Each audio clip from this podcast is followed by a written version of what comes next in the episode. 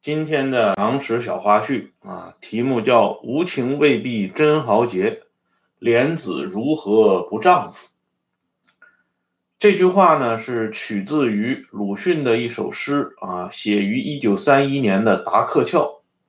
这首诗的写作背景是当时呢有人在往鲁迅父子身上啊泼脏水啊，认为鲁迅呃对待一个。不满周岁的儿子啊，周海婴过于溺爱，并且编造出很多无耻的烂言啊。鲁迅是为了回敬这些人，写了这首诗啊。全诗呢是这么写的啊：无情未必真豪杰，莲子如何不丈夫？知否兴风狂笑者，回眸时看小巫徒。最后这句话啊，小巫徒。这是有典故的啊，因为在中国古代啊，楚国人管老虎呢叫乌图。最早的这个引用的典故呢，应该是出在明初的重臣啊汪广洋的那首画虎当中，即“虎为百兽尊，王敢处其怒，唯有父子情，一步一回顾”啊。用盐碱地的老话来形容呢，就是虎毒不食。子啊，只是这么浅显的道理啊，不知为何近百八十年以来啊，被人给搞凌乱了，或者说，经过改头换面以后，人们普遍不知道怎么玩了啊。现在呢，我们就来讲一个故事啊，这个故事是发生在李兆林的身上。啊，这里呢有必要来介绍一下李兆林。李兆林原名叫张寿俭，他是啊中共东北抗日联军的创建人之一啊，在抗联时期的职务是抗日民主联军第三路军总指挥。啊，他死前最后的职务呢是中共北满分局委员啊，这个北满分局呢。虽然只是中共东北局下边的一个分支啊，但是这个北满分局可谓人才济济。一个北满分局里边啊，聚集了三位中共七届中央政治局委员，就是陈云、高岗和张闻天啊。所以呢，我们来看一下李兆林的位置呢，还是很重要的啊。到了二零零九年，也就是李李兆林死了若干年以后呢。李兆林又被评为啊一百个感动中国的人物之一啊，这么一个感动中国的人物啊，他又有哪些事迹啊感动了中国呢？我们现在来看看他老婆金伯文的回忆啊。李兆林和金伯文结婚以后呢，在冰天雪地的抗联前线啊，曾经生过一个儿子，儿子呢因为生长在艰难的时代啊，又瘦又小。但是这个孩子呢，很懂事儿啊，从来不惊扰大人的工作和生活。特别是在行军到达宿营地的时候啊，这个孩子呢，自己就独自坐在一边，啊，或者呢是呆呆的看着大人们的这个不断的啊收拾这些 器械啊，或者呢是学着这个小鸟呢啊呀呀的叫啊，总之呢是一个很乖的孩子。可是呢，李兆林不知道为什么呢，就看他不顺眼。金博文讲呢，李兆林从来不给孩子一个好脸色啊，所以金博文感到啊很委屈，因为这个孩子啊是千辛万苦才活下来的啊。中间几次呢，金博文自己就想把这个孩子给弄死，因为毕竟是一个不满周岁的孩子，在行军过程中呢，有时候因为哭闹，怕引起啊围捕者的注注意。啊，可是呢，金伯文身边的战友呢，却不同意金伯文的这种做法啊。战友们用很朴实的语言回答了金伯文，啊，他说：“我们这些人啊，出来闹革命，为了什么呀？还不就是为了孩子吗？啊，现在呢，有机会把孩子养大，哦，我们却把他弄死，这就说不过去了啊。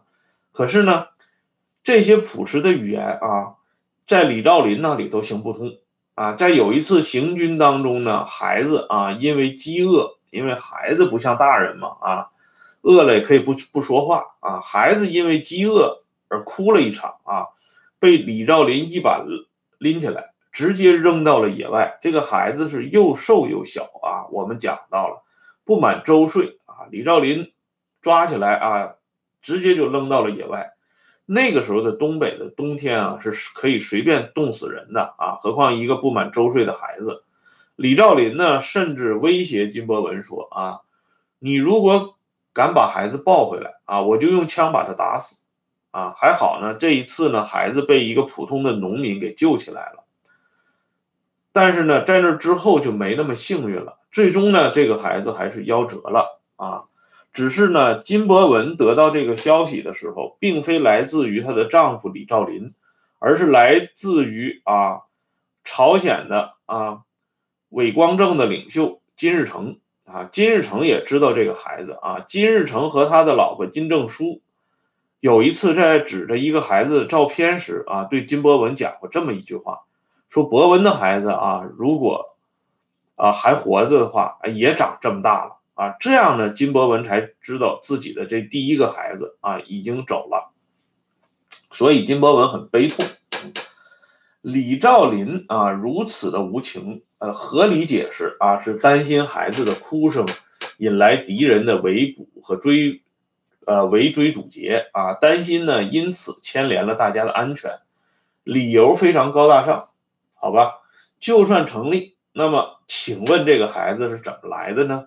啊，对此呢，金伯文自己回忆说，一九四零年春见到了赵林同志，久别重逢，欣慰备至啊，不久怀了孕，可见呢。因为久别胜新婚啊，以至于让金伯文怀了孕。这里呢就不禁想起啊，劳动党的老祖宗斯大林说过的一句话啊，布尔什维克党人呢都是用特殊材料制成的。这里呢也不禁要问一句，既然都是用特殊材料啊制成的，既然都有着钢铁般的意志啊，既然都有可以舍弃孩子的大无畏的勇气。那么当初在重逢之际，为什么管不住自己身下的这把撸子呢？啊，这撸子也有典故啊。当初这个中将周希汉有了孩子以后呢，急于想知道这个孩子的性别啊，所以呢，他的这个上级和战友陈赓呢，就跑出来告诉周希汉说：“你不用担心啊，这个孩子生下来下边带着撸子呢，啊，百分之百是儿子。”所以这撸子的典故是这么来的啊，李兆林难道不不知道自己啊这个撸子会留下种子吗？为了革命都能抛弃骨肉至至亲啊，为什么管不住自己的能祥的一个大人物叫潘汉年的啊，就曾经呢啊为了避免自己在这方面啊出现问题，就率先把自己给结扎了啊。李兆林呢不知道是不是。呃，错过了这样的机会啊！大人物是不可能这么做的啊，因为那叫顾全大局。什么叫大局呢？啊，就是我们说的领导们的片刻偏安，瞬间温柔啊，就是大局。至于大局之后产生的孩子啊，那都是包袱，那都是道具啊，是用来专门给傻子们啊表演大义灭亲的老戏。说到这里呢，有人啊，或许要说，你是不是在求全责备啊？但是我们要知道的是啊，盐碱地的传统就是宽容理解大人物的弃局。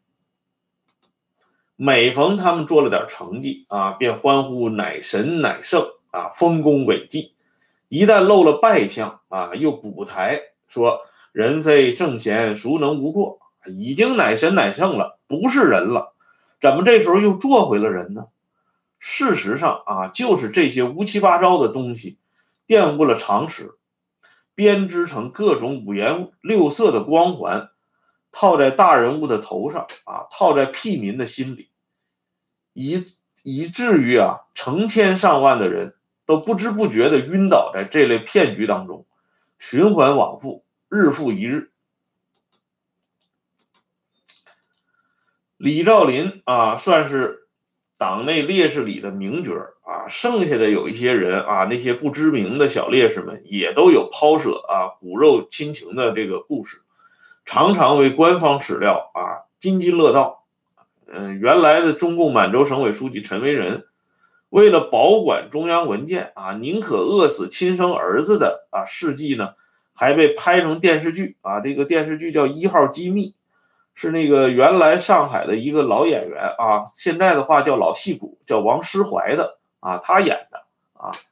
演了以后呢，就是教育后人啊，种凡此种种啊，不由得又让我们想起另外一个故事啊，这是历史上的故事。我们都知道啊，春秋五霸之一的这个齐桓公，手下有三个宠臣，就是易牙、树雕和开方。其中呢，这个易牙啊很特殊。齐桓公有一次自己念叨啊，说不知道人肉是什么滋味啊。这个易牙呢就把自己的儿子杀死，杀死了啊，然后呢这个做成肉糜啊，端给这个齐桓公来品尝。所以，在这个管仲临终的时候啊，齐桓公就提出来，能不能让易牙呢接替你啊，来做这个执政的大臣啊？管仲就坚决否定啊。